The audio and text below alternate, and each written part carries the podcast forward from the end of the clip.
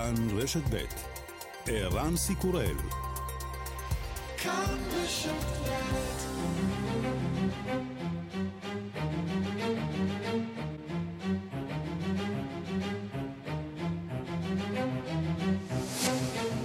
השעה הבינלאומית 10 באוגוסט 2022 והיום בעולם. בהפגזה רוסית במרכז אוקראינה נהרגו לפחות 14 בני אדם, אדם נוסף מת באזור זפוריז'יה. זפוריז'יה היא עירה של תחנת הכוח הגרעינית הגדולה באירופה, שעומדת תחת הפגזה מתמשכת משני הצדדים. בתוך כך נשיא אוקראינה זלנסקי אומר המלחמה באוקראינה החלה בקרים וחייבת להסתיים בשחרורה. Сьогодні багато уваги до тематики Крим. І це правильно, бо Крим український, і ми ніколи від нього не відмовимо. נוכחותם של כובשים רוסים בקרים מהווה איום על כל אירופה ועל היציבות העולמית. אזור הים השחור לא יכול להיות בטוח בשעה שקרים כבושה. לא יהיה שלום במדינות רבות על חופי הים התיכון, כל עוד רוסיה מסוגלת להשתמש בחצי האי קרים כבסיס צבאי. המלחמה הרוסית נגד אוקראינה ונגד אירופה החופשית כולה התחילה עם קרים וחייבת להסתיים בשחרורה. שריפות בדרום מערב צרפת הרסו 16 בתים, הן כילו 6,000 דונמים של חורש ואילצו אלפים באזור שכבר נפגע בחודש שעבר בשריפות ענק להתפנות מבתיהם.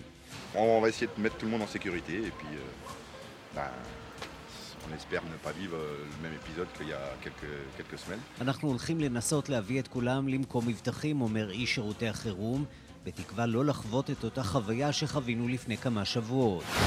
מת לוויתן הבלוגה שחדר לנהר הסן לפני ימים אחדים. פעילי סביבה סיפרו שהוא הומד במהלך ניסיון להשיב אותו לים.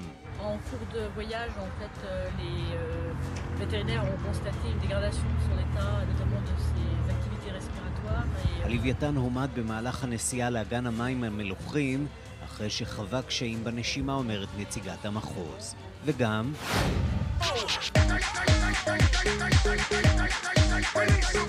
ביונסה שוברת שיאים, אלבום הסולו החדש והשביעי במספר של הרניסנס, שיצא לפני כשבוע וחצי, חובש את המצעדים והפלייליסטים.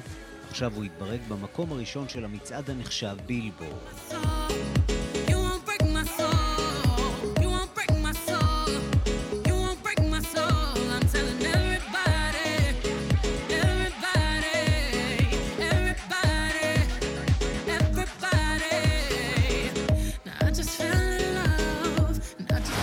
השעה הבינלאומית שעורך זאב שניידר, מפיקה איילת דוידי, בביצוע הטכני אמיר שמואלי ושמעון דוקרקר, אני רן סיקורל, אנחנו מתחילים.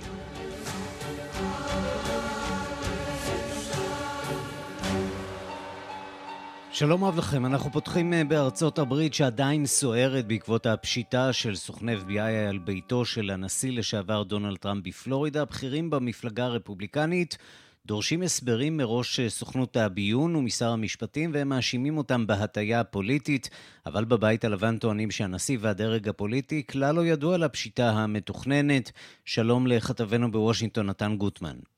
שלום ערן. עוד לפני הוויכוח הפוליטי, אה, האם אנחנו כבר יודעים יותר פרטים על הסיבה לפשיטה? מה חיפשו החוקרים שם?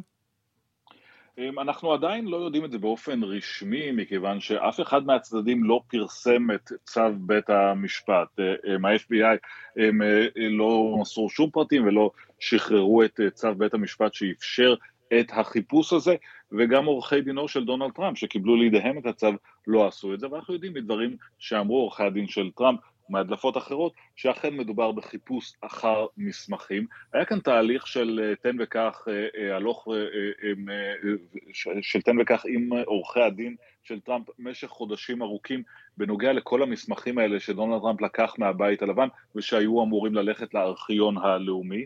בשלב מסוים החזירו טראמפ ואנשיו 15 ארגזים לרשויות, אבל ההערכה היא שהיה שם עוד הרבה ולכן אנשי ה-FBI ביקרו במר הלאגו לפני מספר חודשים, ראו שיש שם עוד ארגזים במחסן, ביקשו מאנשי אה, אה, אה, טראמפ לנעול אותם ולוודא שאין שם חומרים שצריכים לחזור אליהם, ואז החל עוד איזשהו משא ומתן, שבסיומו הגיע משרד המשפטים למסקנה שאנשי טראמפ מסתירים מסמכים שצריכים לחזור לידי המדינה, ושעליהם להחזיר אותם, ולכן הם ביקשו וקיבלו את הצו הזה של בית המשפט. אבל מה יש שם בתוך המסמכים האלה? האם זה דברים סתם מביכים? האם הם דברים שיכולים לסבך את טראמפ בנוגע לחקירות אחרות? האם נושאים שקשורים לביטחון לאומי? כמה מהמסמכים האלה מסווגים? את הדברים האלה אנחנו לא יודעים. אנחנו יודעים שכנראה היה מספיק חשוב לדונלד טראמפ ולעורכי הדין שלו להילחם כדי שהמסמכים האלה לא יחזרו חזרה לרשות המדינה. והנושא הזה כמובן ממשיך לתפוס את הכותרות, כאשר מעבר לוויכוח המשפטי יש כל הזמן את הוויכוח הפוליטי, את התחושה הזאת של הרפובליקנים שעכשיו כמעט כולם אה, מתכנסים מאחורי דונלד טראמפ, גם אלה שביקרו אותו קודם לכן, והם כולם טוענים משרד המשפטים מגזים, הממשל של ג'ו ביידן משתמש אה, במשרד המשפטים, ב-FBI, בגורמי החקירה, כדי לקדם את האג'נדה הפוליטית שלו, כל העסק הזה היה מוגזם ולא היה צריך אה, לקרות. אה, סנטורים בכירים ביקשו להיפגש עם ראש ה-FBI ולקבל ממנו הסברים, רבים דורשים משר המשפטים לבוא ולדבר עם הציבור, להסביר למה היו צריכים לעשות את זה. הנה דברים שאמר חבר הקונגרס מייק טרנר, הרפובליקני הבכיר בוועדת המודיעין של בית הנבחרים. Certainly, this is going to be significant investigations by Congress into the actions of the FBI. This is so unprecedented, so outside the realm of anything that anyone has seen in history, where a sitting president's uh, attorney general has approved raiding the home of the past president and possible future presidential candidate against the sitting president. Uh, this is something certainly that bears a high level of scrutiny because it certainly rises to the level of significant constitutional questions of the actions of the president, the actions of the attorney general, and the actions of the FBI director. כן, זה מעורר שאלות חוקתיות משמעותיות בנוגע להתנהלות התובע הכללי וראש ה-FBI. זוהי פשיטה על ביתו של נשיא לשעבר ומי שעשוי להיות הנשיא הבא, כך אומר חבר הקונגרס טרנר. גם רק לצורך ה... אה, אה, נדגיש שבמשרד המשפטים אומרים אה, טכנית זו אינה פשיטה על בית, זהו ביצוע של צו חיפוש בהתאם להוראת בית משפט, פשיטה היא עסק קצת אחר כאשר החוקרים באמת מסתערים על הבית בלי אזהרה מוקדמת ועורכים חיפוש הרבה יותר משמעותי, זה עניין טכני קטן. אגב, שוב כדאי להזכיר שכל הכעס הזה שמופנה כלפי ראש ה-FBI, קריס ריי, בגלל הפשיטה הזאת, הוא כמובן מינוי של דונלד טראמפ עצמו. הדמוקרטים והבית הלבן מסתכלים מהצד, הם לא מאושרים אגב מההתפתחויות האלה, לא מהעובדה שתשומת הלב אה, הוסטה לדיון אה, בנושא של טראמפ והמסמכים. בעיצומן של הצלחות, אה, נזכיר, לנשיא ביידן. הצלחות פוליטיות, האישור הצפוי ביום שישי, האישור הסופי של חוק תקצוב גדול שיעסוק בשינוי אקלים, ובביטוח בריאות, חתימות שאנחנו רואים בימים האחרונים על חוקים נוספים, כל זה אה, עבר עכשיו קצת למבער האחורי, חיסול האימן אל-זוואהירי, כל ההישגים האלה שבהחלט לכאורה היו אמורים לעזור לביידן, ועכשיו תשומת הלב התקשורתית נכון. עוברת לדונלד טראמפ. ואתה יודע, אנחנו שומעים היום שטראמפ צפוי להיות מתושאל בשבועה, תחת כן. שבועה. אה, על ידי אנשי התובעת הכללית של מדינת ניו יורק סביב חקירת התביעה בנוגע למה שמכונה הפרקטיקות העסקיות של אה, טראמפ. אה, במה מדובר ומתי זה עומד לקרות? זה יקרה היום, בעצם תצהיר, זה, זה עדות בשבועה כחלק מחקירה שמתנהלת לפני בכלל השאלה אם יוגשו שם כתבי אישום, זה, זה, סליחה, זה אגב חלק מתביעה של חלק תביעה אזרחית. צריך להזכיר, אנחנו מתמקדים עכשיו בנושא של המסמכים, יש לפחות ארבע חקירות משמעותיות שבהן מעורב דונלד טראמפ, אחד מהם זה עניין המסמכים שאנחנו שומעים עליו יותר עכשיו, אחד מהם זה העניין הזה שמגיע לשיאו בניו יורק, היום החקירה במדינת ניו יורק בנוגע לעבירות עסקיות אה, לכאורה ועבירות מיסים של אה, אה, דונלד טראמפ, יש חקירה במדינת ג'ורג'ה בנושא הטיית בחירות ויש כמובן את החקירה הגדולה שמתנהלת בנוגע לאירועי השישה בינואר ולאפשרות שדונלד טראמפ ניסה להפוך את אה, תוצאות הבחירות, כל הדברים האלה מתנהלים במקביל. בניו יורק אנחנו לא נדע את הפרטים כי החקירה הזאת עדיין מאחורי דלתיים סגורות, אבל החקירה עוסקת בעניינים עסקיים, האם הוא ניסה בגדול אה, אה, להעלות את ערך העסקים שלו כדי לקבל הלוואות ואז להקטין את ערך העסקים כדי לשלם פחות מיסים והאם הדברים האלה חרגו מפרקטיקות עסקיות מקובלות, גם בזה מתעסק עכשיו דונלד טראמפ. כן, אז זה רדיפה פוליטית, או אולי מדובר בעבריין סדרתי. נחכה ונראה. נתן גוטמן, כתבנו בוושינגטון, תודה. תודה רבה. שר החוץ אה, של ארצות הברית אנטוני בלינקן הגיע הבוקר לרואנדה, זוהי התחנה השלישית והאחרונה שלו בביקורו ביבשת האפריקנית. בלינקן הגיע לדרום אפריקה ביום ראשון, משם המשיך לרפובליקה הדמוקרטית של קונגו. המטרה היא לחזק את היחסים של ארצות הברית עם אפריקה, בעיקר על רקע הפלישה הרוסית לאוקראינה. הדיווח של עורכת ענייני אפריקה, רינה בסיסט.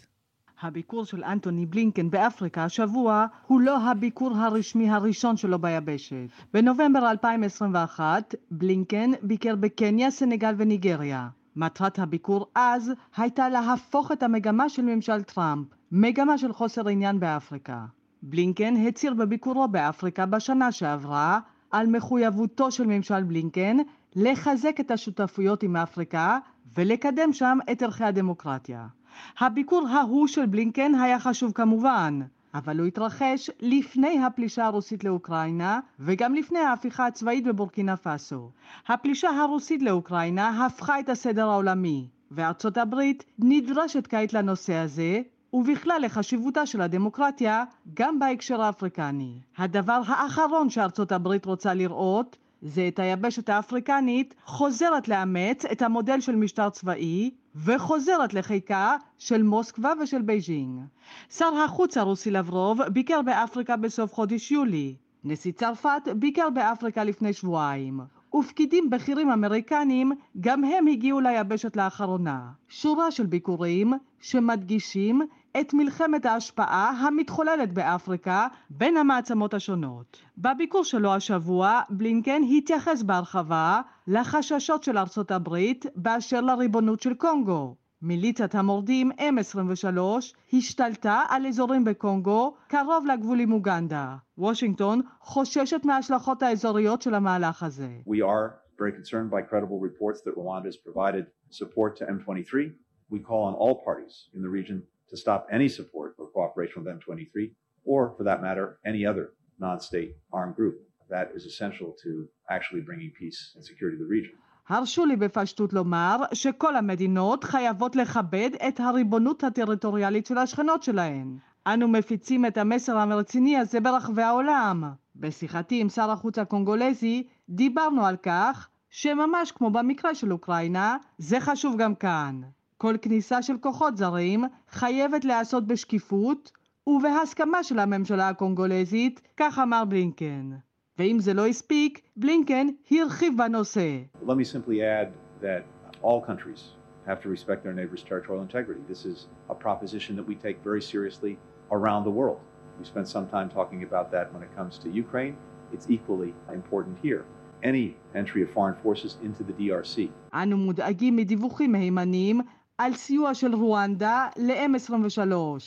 אנו קוראים לכל השחקנים באזור להפסיק כל שיתוף פעולה או תמיכה ב-M23 ובעצם בכל קבוצה חמושה שאיננה ממשלתית. זה הכרחי, כך אמר בלינקן, על מנת להביא שלום וביטחון לאזור. כאן רינה בסיסט. מיד נרחיב אה, עוד קצת במעורבות אה, הגוברת של רוסיה במדינות אה, אפריקה, אבל קודם נעבור לאוקראינה שממשיכה להשיב מלחמה. אתמול נרשמו פיצוצים עזים בבסיס צבא רוסיה בחצי האי קרים. הנשיא זלנסקי אמר שהמלחמה תסתיים רק כאשר חצי האי קרים ישוחרר. וברוסיה מנסים לגייס כוח אדם בצורה יצירתית במיוחד. הדיווח של כתבנו במזרח אירופה, ניסן צור. בסיס הרוסי בחצי האי קרים נפגע אתמול במספר פיצוצים גדולים ולפחות אדם אחד נהרג. ההפצצה הגיעה שעות ספורות לפני שנשיא אוקראינה וולודימיר זלנסקי התחייב בנאומו הלילי לשחרר את חצי האי קרים שנכבש על ידי רוסיה בשנת 2014. זלנסקי אמר כי המלחמה החלה בחצי האי קרים וחייבת להסתיים שם. Російська війна проти України і проти всієї вільної Європи почалась з Крим і має закінчитись Криму. його המלחמה הרוסית הזו נגד אוקראינה ונגד כל אירופה החופשית החלה עם חצי האי קרים וחייבת להסתיים בחצי האי קרים עם השחרור שלו. היום עדיין מוקדם מדי לומר מתי זה יקרה, אבל אנו מוסיפים כל הזמן את הרכיבים הדרושים לנוסחה לשחרור חצי האי קרים. ובינתיים מתרבים הדיווחים כי עקב מצוקת כוח אדם, רוסיה פונה לאסירים בבתי הכלא ומציעה להם להשתחרר תמורת התגייסות ללחימה באוקראינה. אסירים שנידונו לעונשי מאסר ארוכים מקבלים הצעה להשתחרר מוקדם מבתי הכלא במידה ויסכימו להצטרף ללחימה באוקראינה. רבים מהם אכן מקבלים את ההצעה. הבוקר ביצעו שירותי הביטחון הרוסיים חיפוש בביתה של העיתונאית מרינה אופסיאניקובה שהתפרסמה לאחר שפרצה בשידור חי לטלוויזיה הרוסית עם שלט נגד פוטין והמלחמה. עורך דינה של אופסיאניקובה סיפר כי נפתח הליך פלילי נגדה במסגרת החוק האוסר על אזרחי רוסיה להפיץ מידע כוזב נגד הצבא. מאז המחאה בחודש מרץ האחרון נעצרה אופסיאניקובה מספר פעמים והועמדה לדין, אך נקנסה בלבד. אפשר לשמוע את השופטת ויקטוריה דיאצ'קובה מבית המשפט במוסקבה מודיעה על עונשה של העיתונאית.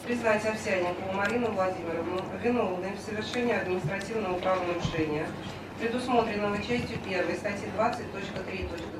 בית המשפט מוצא את מרינה ולדימירובה אובסיאניקובה אשמה בעבירה מנהלית בהתאם לקוד הליכי בית המשפט המנהלי של הפדרציה הרוסית ומטיל עליה קנס מנהלי בסך 50 אלף רובל. ראש חברת הכוח הגרעיני הממלכתית באוקראינה מזהיר מפני ההפצצות של צבא רוסיה על תחנת הכוח הגרעינית בעיר זפורישה בדרום אוקראינה. פטרו קוטין אמר כי ההפצצות הרוסיות ניתקו שלושה קווי מתח גבוה וכעת פועלת תחנת הכוח הגרעינית עם קו מתח אחד בלבד מה שמעמיד אותה בסיכון. תחנת הכוח נמצאת גם היא לא רחוק מחצי האי קרים וכוללת שישה מתוך חמישה עשר הכורים הגרעיניים של אוקראינה. This is the most in all nuclear power plant, this is fuel. It will be uh, just distribution around this place and uh, then we will have like זהו החומר הכי רדיואקטיבי בכל תחנות הכוח הגרעיניות, הדלק הזה. הוא יופץ סביב המקום הזה, ואז יהיה לנו כמו ענן של קרינה, ענן רדיואקטיבי, ומזג האוויר יקבע איזו רוח תנשוב ולאיזה כיוון, והענן הזה יגיע ככל הנראה למקום כלשהו באוקראינה, אולי אפילו לרוסיה או למדינות אירופה. נשיא ארצות הברית ג'ו ביידן חתם אתמול על מסמכים המאשרים את הצטרפותן של פינלנד ושוודיה לנאטו. מדובר בהתרחבות המשמעותית ביותר של נאט"ו מאז שנות התשעים. משרד החוץ האמריקאי הודיע על סיוע בסך 89 מיליון דולר כדי לסייע לאוקראינה להכשיר מאות צוותים לפינוי מוקשים ותחמושת שלא יתפוצצו. ומנהיגי אסטוניה ופינלנד קוראים למדינות אירופה להפסיק להנפיק ויזות תיירים לאזרחים רוסיים ולמנוע מהם להגיע לחופשות באירופה בזמן שהממשלה הרוסית מנהלת מלחמה באוקראינה. ראש ממשלת אסטוניה, קאיה קלאס, כתבה אתמול בטוויטר כי הביקור באירופה הוא פריבילגיה, לא זכות אדם. הגיע הזמן לשים קץ לתיירות מרוסיה כעת. ניסן צור, פולין. הבטחנו שנעסוק אה, בהתרחבות הרוסית אה, באפריקה, אז מחזקת את הברית הצבאית שלה עם רוסיה. אתמול אה, קיבל הצבא של מאלי משלוח מיוחד ממוסקבה של מטוסי קרב ומסוקים. שווה ומדווחת עורכת ענייני אפריקה, רינה בסיסט. לפני כחודשיים, אחרי שנים של מלחמה נגד ארגונים אסלאמיסטיים, הצבא של צרפת נסוג ממאלי. החונטה הצבאית במאלי לא הותירה לפריז שום ברירה. בחודש ינואר השנה הם זרקו החוצה את השגריר הצרפתי בבמקו. לאחר מכן, הקריאות שלהם לצבא הצרפתי לסגת נעשו יותר ויותר קולניות. במקביל, החונטה של מאלי חיזקה עוד ועוד את יחסיה עם מוסקבה. הוכחה נוספת לקשר העמוק כעת של החונטה עם מוסקבה נצפתה אתמול בטקס רב רושם שערך הצבא של מאלי באחד מבסיסיו. הסיבה למסיבה הייתה משלוח של חמישה מטוסים צבאיים ומסוק קרב אחד מרוסיה. מתנה מאימא מוסקבה לחברים בבמקו. מתנות דומות הוענקו לצבא של מאלי לפני כמה חודשים, שני מסוקים ומערכות רדאר מוביליות בחודש מרץ האחרון, ועוד שני מסוקים ומערכות רדאר בחודש אפריל. Nous avons comme objectif de refonder une armée malienne professionnelle, bien équipée, bien entraînée, המטרה שלנו היא להקים צבא מקצועי, מצויד היטב, מאומן היטב, בעל ערכים וקרוב לעם שממנו צמח. כך התפאר אתמול שר ההגנה של מאלי, סעדיו קמרה. אחר כך הוא שיבח את החברים הרוסים. Le parking sur lequel nous nous trouvons serait d'ailleurs trop étroit pour recevoir l'ensemble du matériel récemment acquis. Grâce au leadership de son Excellence, אזור החנייה שעליו אנחנו נמצאים כעת צר מדי כדי לקבל את כל הציוד שהוזמן לאחרונה, תודות למנהיגות של הקולונל אסימי גויטה ותודות לשותפות המנצחת שלנו עם רוסיה, כך הוא אמר. צרפת והקהילה הבינלאומית מודאגות מאוד מהכיוון הזה של שותפות צבאית בין רוסיה למאלי, שותפות שמהווה חלק מאסטרטגיה כוללנית של מוסקבה לטיפוח הקשרים שלה עם מדינות אפריקה. הטקטיקה הרוסית פשוטה אבל מתוחכמת. הרוסים מומחים בלזהות ואקומים. ברגע שזיהו אחד כזה, הם נכנסים. כך היה למשל ברפובליקה המרכז אפריקנית. מבחינתה של מוסקבה, הכניסה הרוסית למספר לא מבוטל של מדינות אפריקניות, במקביל לעלייה בסנטימנט האנטי-צרפתי ביבשת, הוכתרה בהצלחה. הרוסים לא יכולים להציע לאפריקה הזדמנויות כלכליות גדולות או השקעות כמו הסינים. הם כן יכולים להציע סיוע צבאי, כמו ציוד צבאי התקפי או שכירי חרב רוסים. ואכן, יום לאחר שהצרפתים פינו את הבסיס הגדול שלהם במאלי, נכנסו לשם שכירי חרב מקבוצת וגנר הרוסית. עם זאת, הרוסים נמצאים כעת במצב מעט לא נוח מול היבשת האפריקנית. הפלישה שלהם לאוקראינה יצרה משבר מזון חמור בעולם, שמאיים קודם כל על אפריקה. זאת הייתה מן הסתם הסיבה לסבב האפריקני לפני שלושה שבועות של שר החוץ הרוסי סרגי לברוב. מוסקבה מנסה עכשיו למכור לאפריקה נרטיב משלה, שמשבר המזון התחיל לפני הפלישה, שכל המצב הזה ממש לא באשמתה, אלא באשמת המערב. זה היה הנרטיב שלברוב הציג למצרים, אתיופיה ואוגנדה בסיבוב שלו. בינתיים נראה שלא מעט מדינות באפריקה קונות את הסיפור הרוסי הזה. כאן רינה בסיסט. השעה הבינלאומית זוכרים ודאי את צמד המילים נגורנו קרבאח. מיד ננסה שוב להזכיר מה קורה שם בחבל המריבה הזה אה, שבקווקז. למרות אה, מאמצי המערב לקדם אה, שיחות שלום בין הארמנים לאזרים, הוואקום שמתחיל להיווצר בחבל הזה בעקבות היחלשות צבא רוסיה מתחמם שוב. בשבוע האחרון דווח על קרבות בין צבא אזרבייג'אן לצבא נגורנו קרבאח. בכמה נקודות מפתח בחבל. שלום לכתבנו גלעד שדה, מי שסיקר אה, מקרוב את המלחמה האחרונה אה, שם אה, בקווקז. שלום ערן. בוא ניתן, לפני שנצלול למה שקורה עכשיו, קצת רקע למי שככה לא עוקב אחרי הסכסוך הזה בין ארמניה לאזרבייג'אן, שהתחיל כבר בשנות ה-90, אחרי קריסת ברית המועצות. אז uh, מתפתחת uh, מלחמה בין uh, שתי המדינות האלה על חבל המריבה הזה ועל עוד חבלים, והסיפור הזה לא נגמר אז בשנות ה-90. אכן, בעצם בסוף המלחמה בשנות ה-90, ב-94, הארמנים אה, הצליחו לכבוש, מלבד חבל נגורנו קרבאח, שהיה עד אז אוטונומיה, הצליחו לכבוש עוד אה, מספר מחוזות של אה, אזרבייג'אן, ובמשך השנים היו ניסיונות בעצם אה, להגיע להסכם שלום, שחלק מהאזורים האלה יוחזרו לאזרבייג'אן וחלק יישארו בידי ארמניה. עכשיו, לפני כשנתיים, אחרי שנים כן. של התעצמות צבאית, אזרבייג'אן יוצאת למבצע צבאי, בעצם לשחרר את השטחים שלה שנמצאים בשליטת הארמנים, והיא מצליחה מעל המשוער. המלחמה האחרונה הייתה באמת אה, מבחינת אזרבייג'אן הצלחה מאוד אה, אה, חסרת תקדים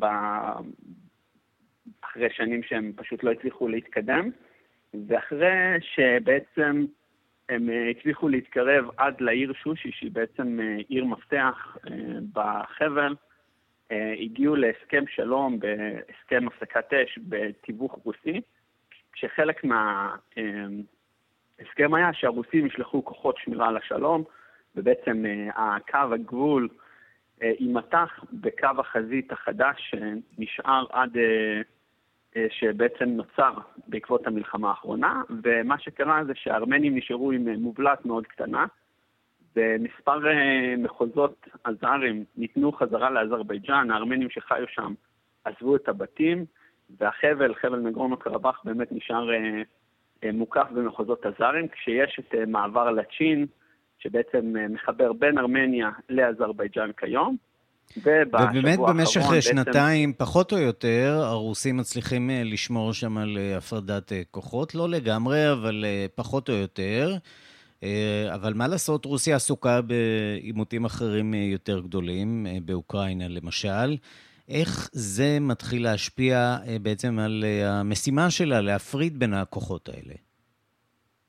בעצם רוסיה כרגע נמצאת כמעט ללא כוח בתוך נגורנו קרבאח. בסוף מלחמת קרבאח הם שלחו כמות די גדולה של חיילים וציוד צבאי, וכמו שאנחנו יודעים, המבצע, כמו שהם קוראים לו באוקראינה, והפלישה שהם בעצם ביצעו, הם, הם צריכים לשלוח כוחות ולשנות את, מערך ה, את המערך הצבאי שלהם. בנגורנו קרבאח כרגע יש מעט מאוד כוחות רוסיים, והזרים לאט לאט מנצלים את זה, זאת לא הפעם הראשונה שהם בעצם יוצאים לקרבות בחבל מאז תחילת המלחמה באוקראינה. זה מעניין אגב, כי זה מלמד אותנו באמת במידה רבה גם על מצוקת כוח האדם שרוסיה סובלת ממנה, גם במלחמה באוקראינה. אם מתחילים בעצם לדלל בצורה משמעותית משלחות אחרות של הצבא הרוסי, וזה בהחלט מעניין. וגם, ה... זה, זה לא רק המשלחה, זה לא רק הכוח הצבאי האנושי, אלא גם ציוד צבאי שנמצא שם, וטנקים, נגמשים, ארטילריה, כל, כל הציוד הזה שהוכנס לתוך נגורנו קרבאח, הוא ציוד שהרוסים כרגע צריכים אותו וזקוקים לו. אז מה קורה עכשיו בעצם? הרוסים בעצם, אחרי הקרבות האחרונים בשבוע שעבר, הרוסים הגיעו להסכם עם אזרבייג'אן שמעבר לצ'ין, אותו מעבר שמחבר בין המובלעת הארמנית שנותרה בתוך נגורנו קרבאח לבין ארמניה, יעבור לידי שליטת הצבא האזרי ב-25 לאוגוסט. ובתוך המעבר הזה, שהוא ממש מספר קילומטרים, יש כפר עזרי, סליחה, כפר ארמני שצריך להתפנות, ועיר ארמנית שצריכה להתפנות עד לאותו יום. ואנשים כרגע בעצם אורזים את הדברים ומתחילים לעזוב, ואנחנו נצטרך לראות מה יעשו הארמנים. הם מנסים לפתוח כרגע ציר חדש צפונית לשם, שהוסכם על ידי כל הצדדים, שבעצם יהווה חיבור בין נגורנו קרבאח לארמניה. עכשיו, גם ההרכב האתני שם באזור הזה הוא מעניין עכשיו, נכון? כיוון שמדובר בארמנים, שרבים מהם בכלל ממוצא לבנוני. לבנוני וסורי, כן. הרבה מאוד, בעצם יש כפר, הכפר המדובר הקטן יותר, שנקרא ערבנו, זה כפר שנמצא בתוך ממש חבל שהוא מדהים ביופיו אגב, אבל זה חבל ש... רובו אוכלס בשנים האחרונות על ידי פליטים מסוריה ולבנון, ממוצא ארמני, שהגיעו לשם באיזושהי מסגרת של פרויקט ארמני מחו"ל, לא מתוך ארמניה, שבעצם מימן את המגורים של אותם משפחות פרויקט, כדי לגור באזור פרויקט הזה. התנחלות של לבנונים ממוצא ארמני שם באזור הזה. טוב, אנחנו נמשיך אחרי. לעקוב אחר המתיחות שם, זה מעניין מאוד. גלעד שדה, כתבנו, תודה רבה לך. תודה לך, להתראות.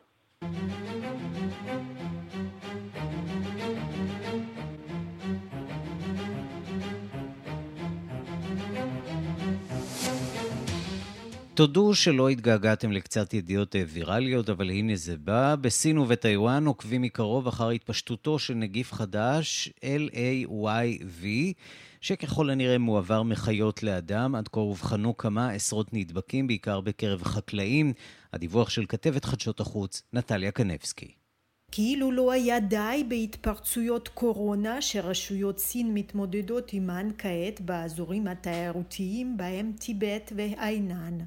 החוקרים הסינים עוקבים כעת גם אחרי נגיף חדש שאובחן במדינה וכבר גרם ל-35 נדבקים. 根据新英格兰医学杂志刊载，中国山东和河南一带发现一种动物传人的病毒，名叫狼牙，目前已经累积三十五例急性感染。 לפי ערוץ הטלוויזיה CTS בטיוואן מדובר בנגיף לנגיה המכונה לייווי, בתסמינים הנפוצים שלו חום גבוה, עייפות, שיעול, אובדן תיאבון, כאבי שרירים. הנגיף הותר בפעם הראשונה במחוזות שאנדונג ואנן בצפון מזרח סין עוד בשנת 2018, אך המדענים זיהו ורשמו אותו באופן רשמי רק בשבוע שעבר. לדעת המדענים הנגיף החדש מועבר מחיות אל בני אדם. החוקרים בסין ובטיוואן עוקבים כעת מקרוב אחר התפשטותו. הם בחנו חיות בר וגילו את תאי הנגיף ביותר מרבע מ-262 חדפים שאותם בדקו. העובדה שלפי המומחים מלמדת שהחדף עלול להיות הנושא הטבעי של הנגיף. נוכחות לוי אובחנה גם בכשני אחוזים מהעזים ובחמישה אחוזים מן הכלבים שנבדקו. הממצאים הראשונים על הנגיף פורסמו בידי המדענים מסין, סינגפור ואוסטרליה בכתב העת הרפואי New England Journal of Medicine. המדענים סבורים שאין סיבה לפאניקה כי הנגיף לא גרם לפי שעה למחלה קשה או למוות באנשים שנדבקו בו. עדיין לא ברור אם ובאיזו צורה הוא מועבר בין בני אדם. שלום לדוקטור רועי צוקר. אהלן ערן, מה שלומך? לא רע אצלי. נזכיר שאתה ראש תחום רפואת להט"ב בשירותי בריאות כללית ובמרכז הרפואי איכילוב בתל אביב, מומחה למחלות זיהומיות, והשיחה שלנו קצת מזכירה לי שיחה אחרת שקיימנו כאן בינואר 2020, אז זה היה עם ראש שירותי בריאות הציבור במשרד הבריאות, על איזשהו וירוס לא מאוד מטריד שמתחיל להתפתח בסין. אז יש פה רק דמיון בהתחלה של הסיפור, או שעלול להיות גם דמיון בהמשך? תראה, אני חושב שאנחנו חווים בימים אלה מין פוסט טראומה כזו באמת על כל וירוס חדש שנכנס ככה לארסנל ופתאום צץ לו בעולם, וחשוב לזכור שזה גם קרה עוד לפני הקורונה, אבל אתה כן לגמרי צודק, גם כשעוד, זה היה בדיוק כשסיימתי את, את ההתמחות שלי במחלות זיהומיות, ורגע לפני המבחן בדיוק היו הדיווחים הראשוניים על קורונה, ואף אחד לא ידע מה זה, אז אני חושב שעדיין גם פה אי אפשר לדעת לגמרי מה קורה, אבל בהקשרים של מה שקורה כרגע בסין, אולי שווה בתור התחלה להרגיע ולהגיד שכרגע אנחנו, אין שום הוכחה למעבר בין בני אדם לווירוס הזה, שזו הייתה דרך המעבר כמובן הנפוצה בווירוס הקורונה, ובתור התחלה צריך לראות שבכלל זו, זו דרך העברה אפשרית. כרגע זה לא נראה, וזה נראה שזה באמת מגיע מחיות, בעיקר מעכברים או חדפים, ובאמת יש 35 מקרים שתוארו בסך הכל כרגע בסין של Langya virus, או בעצם LayV, כמו שקוראים לו, אולי יותר נוח להגיד אותו כך, ובאמת מחלה שגורמת לחום, חולשה, הקאות, בחילות, כאבי ראש, אבל בסך הכל גם מבחינת תמותה אנחנו רואים שסך הכל מדובר במחלה קלה יחסית, כן למשהו כמו 8% מהמקרים ראינו איזושהי פגיעה כלייתית או פגיעה כבדית, ולגמרי צריך לשים על זה עין, וזה בדיוק... בינתיים אתה אומר בעיקר ההמלצה היא לשמור מרחק מחדפים, כיוון שאין לנו יותר מדי חדפים פה בסביבתנו. אגב, גיגלתי, כדאי לכם, זאת אחת החיות הכי חמודות שיש נכון. בעולם. מין עכבר כזה עם אף של פיל, נורא נחמד. דוקטור צוקר, זה כמובן לא, זו לא המחלה היחידה שמעסיקה אתכם בימים אלה, אתם עסוקים מאוד כמובן באבעבועות הקוף. הסיפור הזה מתחיל להיבלם, או שאנחנו עדיין רחוקים מזה? זו שאלה מצוינת. אם אנחנו מסתכלים על הנתונים כרגע של משרד הבריאות, יש לנו פער מאוד מאוד גדול, כי אנשים פשוט באים פחות להיבדק.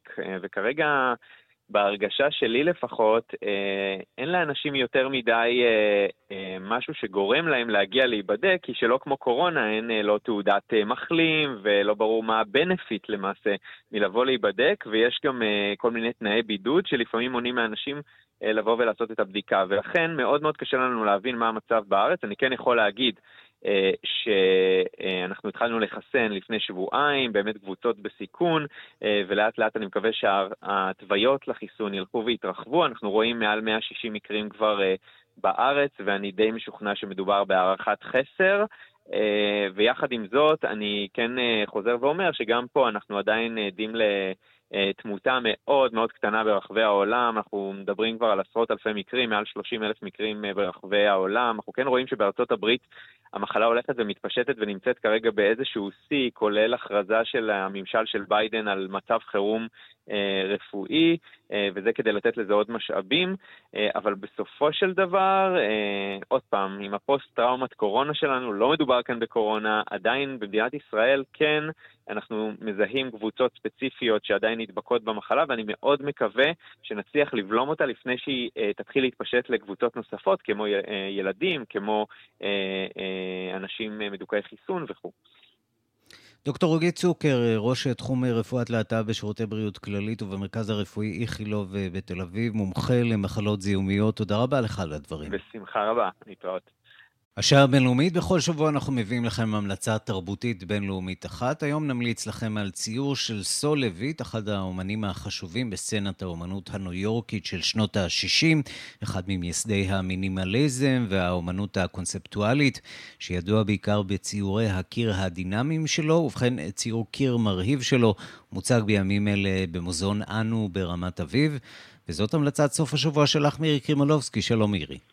שלום, שלום ערן. אז קודם כל נגיד שאנו זה מה שהיה פעם בית התפוצות, שעבר מהפך אדיר, ובביקור שלי השבוע כל כך שמחתי לראות שמלא תיירים, לא ידעתי שיש כל כך הרבה תיירים עכשיו בישראל. אגב, כולל לא תיירות יהודית בהכרח, אלא גם אה, נוצרים שבאים לראות את הסיפור היהודי, אבל הפעם הוא מסופר בצורה הרבה יותר מודרנית, וה, וציור הקיר המיוחד הזה של סול לויט, שכמובן, אם הוא היה בישראל היינו קוראים לו שלמה לוי מן הסתם, אה, הוא בעצם היה אה, אומן מאוד מאוד חדשן, מודרניסט מהחבורה.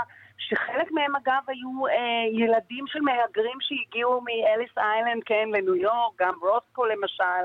הלך וה... לעולמו ב-2007. נכון, אבל יחד עם זאת, מה שיפה בקונספט שלו, שהוא כבר בסוף שנות ה-60 יצר תיאורי קיר עצומים, ונתן הוראות לאסיסטנטים איך להציב אותם. ובעצם יש לו כ-1,300 יצירות, שברגע שאחת מצוירת, למשל בישראל בבית התפוצות, היא כבר לא תוצג במקום אה, אחר. בואו נשמע את מיכל הומינר מספרת, האוצרת, על הפרויקט המיוחד הזה. סול לויט היה צייר יהודי אמריקאי שהשפיע רבות על הזרם הקונספטואלי בשנות ה-60 בארצות הברית. הוא צייר קרוב ל-1,400 ציורי קיר, שאנשים אחרים מציירים ומבצעים את העבודה לפי סקיצות מאוד מדויקות שלויט השאיר. כל עבודה בעצם מותאמת לגודל של הקיר שבה היא מוצגת, והרעיון הוא שכל ציור יכול להופיע רק במקום אחד, רק הבעלים שקנו את הזכויות לצייר ולהציג את העבודה יכולים להציג אותה. עכשיו, זה מאוד יפה. אני מאוד אוהבת את העבודה הזאת, גם כי העבודה הזאת שקוראים לה צבעים בפינה, זה בעצם קשת עצומה של צבעים שמתחילה מנקודה אחת. אגב, העבודה הייתה מאוד מסובכת, הייתה צריכה להיות לפני הקורונה, והכל כמובן הסתבך עם האומנים שהקימו את זה פה בישראל. אבל אני חושבת שזה גם מרתק, כי זה שולח אותנו, בגלל המיקום שזה, גם לעובדה שאנו ובית התפוצות היום מספרים גם סיפור של יהדות אחרת. אה, למשל, אה, לא מזמן הוצג אריק אליהו בוקובזה שלנו, ששאל האם אפשר להיות יהודי טוב והומוסקסואל. שאלות כאלה לא נשאלו במוזיאון הקודם, והשמש הצבעונית הזאת בעצם רומזת על כך כן. שיש יהודים שונים ויש מקום אה, כמובן לכולם, וזאת כבר בשורה מאוד מיוחדת היצירה הזאת שהגיעה מניו יורק. עם גדול ומגוון אנו. מירי קרימלובסקי, תודה. תודה לך, ערן. ומכאן לפינת המוסיקה עם אה, משה מורד, עורך ומגיש התוכנית אה, רדיו מונדו בכאן תרבות. שלום, משה. שלום, שלום ערן. נשארים בארצות הברית. אתמול אה, עולם המוזיקה ביכה את לכתה של אוליביה ניוטון ג'ון, הרבה דמעות נזלו בעיניים בעולם, ואתמול הלך לעולמו עוד אחד מהגדולים במוזיקה האמריקאית. מכונת הלהיטים של מוטאן, קראו לו, חיבר עשרות ואולי אפילו מאות להיטים של, בלייבל הזה של מוזיקה שחורה, אגב הלייבל מדטרויט ומכאן בא השם מוטאון, מוטורטאון, בעצם לייבל שעשה היסטוריה בפופ האמריקאי ובכלל בחברה האמריקאית, בפעם הראשונה. אינטגרציה, uh, אם תרצה, בין שחורים ולבנים uh, במוזיקה הפופולרית בארצות הברית ובעולם, המון המון להיטים, הוא חיבר להיטים לסופרימס, לארבע הפסגות, Four Tops ועוד ועוד, בצוות שנקרא הולנד, דוזייר והולנד. תסתכלו על הקרדיטים של הרבה מאוד מהלהיטים של, אה, של המוזיקה השחורה באותה תקופה ותראו את השם הזה, הולנד דוזייר והולנד. אה, הוא הלך לעולמו אתמול בגיל 81, אה, אנחנו, בוא, בוא נשמע את אחד הלהיטים הגדולים שלו, ויש המון המון כאלה, הסופרים, You Can't Hurry Love.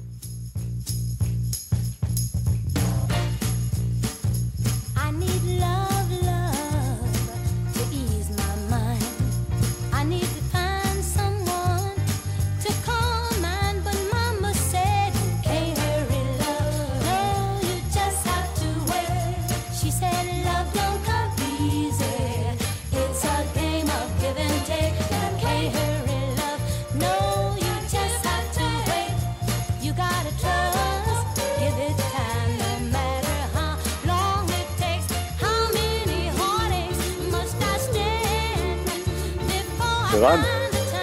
כן, משה. מה שיפה זה שבעצם גם את אה, אוליביה ניוטון ג'ון וגם את אה, למון דוזיה אנחנו שוכחים את דרכם בשירים קצביים והם מאוד משמחים. אה, פשוט מציין את החיים הנפלאים שלהם ואת הדברים שעשו בעולם המוזיקה. הוא גם אחרי שנות ה-60 המשיך בשנות ה-80, כתב להיטים לאליסון מויה וסימפלי רד. בקיצור, מוזיקאי נפלא שהלך לעולמו אתמול. השאיר אותנו עם מוזיקה מתוקה, מתוקה. משה מורד, איש המוזיקה העולמית שלנו, תודה רבה. תודה, תודה ערן.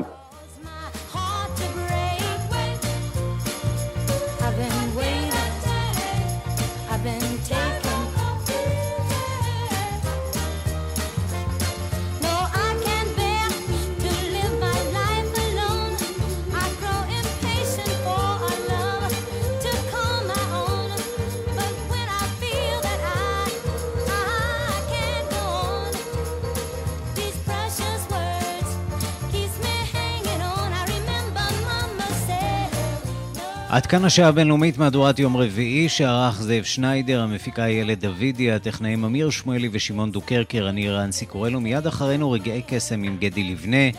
מחר מרחבת עם ערן זינגר, אנחנו ניפגש שוב ביום ראשון בשתיים בצהריים עם מהדורה החדשה של השעה הבינלאומית, ועד אז תוכלו להמשיך לשמוע את התוכניות שלנו ששודרו השבוע. אנחנו נמצאים גם בספוטיפיי, חפשו את השעה הבינלאומית. אנחנו שם עם כל תוכנית אה, שעולה. כתובת הדואר האלקטרוני שלנו, בינלאומית, את כאן.org.il. חפשו אותי גם בטוויטר, רנסי קורל. להתראות.